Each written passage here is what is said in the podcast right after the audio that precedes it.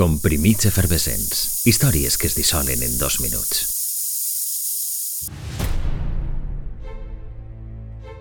Foren els únics de la història que no pogueren ser seguits ni per ràdio ni per televisió.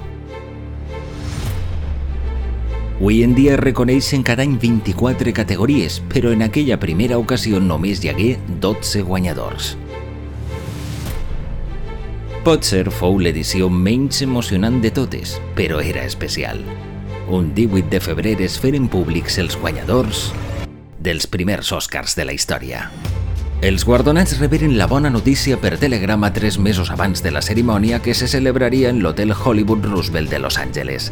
Assistiren 270 persones que hagueren de pagar 5 dòlars, un preu més que raonable per a presumir d'haver sigut un dels convidats als primers premis de l'Acadèmia. Aquells guardons que va impulsar el primer president de l'Acadèmia, Louis Meyer, cofundador de la Metro Goldwyn Mayer, premiaren la pel·lícula Wings com la millor producció estrenada l'any anterior, atenció, en les sales de Los Angeles, una condició haver sigut projectada a Los Angeles per a optar a premi que s'allargaria durant molts anys i que va portar a situacions absurdes, com ara que la pel·lícula Llums d'escena de Charles Chaplin no s'emportarà el premi a la millor banda sonora fins el 1973 quan era una producció de 1952.